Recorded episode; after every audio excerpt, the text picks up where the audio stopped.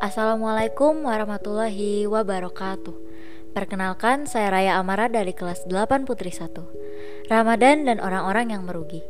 Teman-teman muslimin yang dirahmati oleh Allah Subhanahu wa taala, bulan Ramadan yang ditunggu-tunggu kedatangannya oleh setiap yang insan beriman kepada Allah dan hari akhir kini sudah tiba. Selayaknya kedatangan disambut dengan mempersiapkan diri untuk memaksimalkan momen berharga ini. Jika Rasulullah SAW dan hamba Rasulnya terbaik bergembira dan memberikan kabar gembira menyebut kedatangannya, lalu bagaimana dengan kita? Abu Hurairah radhiyallahu anhu berkata, Rasulullah shallallahu alaihi wasallam menyampaikan kabar gembira kepada para sahabatnya. Telah datang kepada kalian bulan Ramadan yang penuh keberkahan. Allah mewajibkan kalian berpuasa padanya, pintu-pintu surga dibuka pada bulan itu, pintu-pintu neraka ditutup, dan para setan dibelenggu. Pada bulan itu terdapat malam kemuliaan atau Lailatul Qadar yang lebih baik dari seribu bulan. Barang siapa yang terhalangi untuk mendapatkan kebaikan malam itu, maka sungguh dia telah terhalangi dari keutamaan yang agung. Hadis riwayat Ahmad. Mukmin manakah yang tidak bergembira dengan dibukakannya pintu surga? Mukmin manakah yang tidak senang dengan ditutupnya pintu neraka? Dan mukmin manakah yang tidak berbunga-bunga hatinya ketika mengetahui syaitan yang selalu menghalanginya untuk beramal, terbelenggu dan tidak bebas menggunakan manusia? Tentu semua berbahagia. Kebahagiaan ini jangan lantas membuat kita lupa diri. Dengarkan dan perhatikanlah seruan malaikat yang terus mengajak melakukan kebaikan dan berhenti dari keburukan.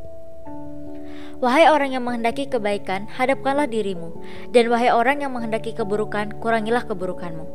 Ibadah teragung yang disyariatkan pada bulan ini adalah ibadah puasa dan qiyamul. Di di antara hal yang harus selalu diperhatikan dan dijaga oleh orang seorang muslim adalah bagaimana menjaga puasa dari segala hal yang bisa menghilangkan atau mengurangi pahala puasa atau ibadah yang lain. Imam Muslim meriwayatkan sebuah hadis dalam kitab sahihnya. Nabi Shallallahu Alaihi Wasallam bersabda, sesungguhnya orang yang merugi di antara umat adalah orang yang datang pada hari kiamat dengan pahala sholat, puasa, zakat. Sementara itu dia juga dahulu di waktu di dunia pernah mencela ini, menuduh ini berzina, memakan harta ini itu dengan cara yang tidak halal, membunuh orang ini itu dan memukul ini itu.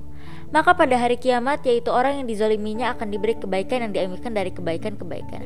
Yang itu juga akan diberi kebaikan yang diambilkan dari kebaikan-kebaikannya jika pahala kebaikannya yang dimilikinya telah habis, sementara dosa-dosa orang-orang yang telah dizaliminya belum terbayar semua, maka dosa-dosa orang-orang yang dizaliminya itu akan dibebankan kepadanya. Kemudian, dia akan dilemparkan ke dalam api neraka. Hadis riwayat Muslim. Meski hamba ini telah melakukan ibadah sholat, puasa, zakat, akan tetapi dia kehilangan pahala amalan-amalan tersebut disebabkan kezoliman yang dilakukan oleh anggota badannya. Akhirnya, dia menjadi orang yang merugi atau bangkrut. Oleh karena itu, di antara, di antara faidah yang dipetik oleh seorang muslim dari ibadah puasa yang dilakukannya adalah hendaknya ia menyadari bahwa kewajiban berpuasa menahan diri dari semua yang membatalkan puasa, waktunya di bulan Ramadan, dimulai sejak terbit fajar sampai tenggelamnya matahari. Adapun berpuasa menahan diri dari semua yang diharamkan oleh Allah Azza wa Jalla. Waktunya adalah selama hidupnya. Semoga Allah Azza wa Jalla menerima semua amal ibadah kita yang lakukan dan menjadikanlah bekal di akhirat dan semoga Allah Azza wa Jalla menghindarkan kita semua dari kebangkrutan di akhirat. Amin ya rabbal alamin. Sekian dari saya. Wassalamualaikum warahmatullahi wabarakatuh.